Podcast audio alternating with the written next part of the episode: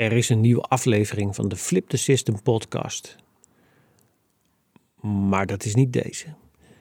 Ik heb mijn podcast namelijk verhuisd van hosting, zodat u het ook uh, bijvoorbeeld uh, via Spotify kunt beluisteren.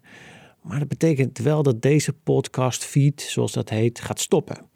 En uh, we zijn nog gewoon te vinden op iTunes. Dus als u daar zoekt op Flip the System podcast, vindt u daar onder ons nieuwe logo alle podcasts die u, nou ja, waar u eigenlijk al gewend aan was.